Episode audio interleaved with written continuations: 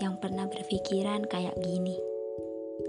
Rindu banget rasanya bebas. Meski kadang masih bingung, bebas dalam hal apa? Bukannya sekarang udah bebas banget. Emang sih bebas raganya, tapi jiwanya masih sering terbelenggu, masih sering kepaksa. Mau ngelakuin apa-apa harus mikir dua kali atau bahkan banyak pertimbangan yang akhirnya ngebuat semua itu jadi kerasa terbatas. Kadang muncul juga rasa rindu masa dulu. Boleh nggak sih ngerasa lelah jadi orang dewasa? Kenapa dewasa tak seindah yang terlihat? Kenapa lebih banyak hal yang harus tersimpan dan terpendam di masa dewasanya?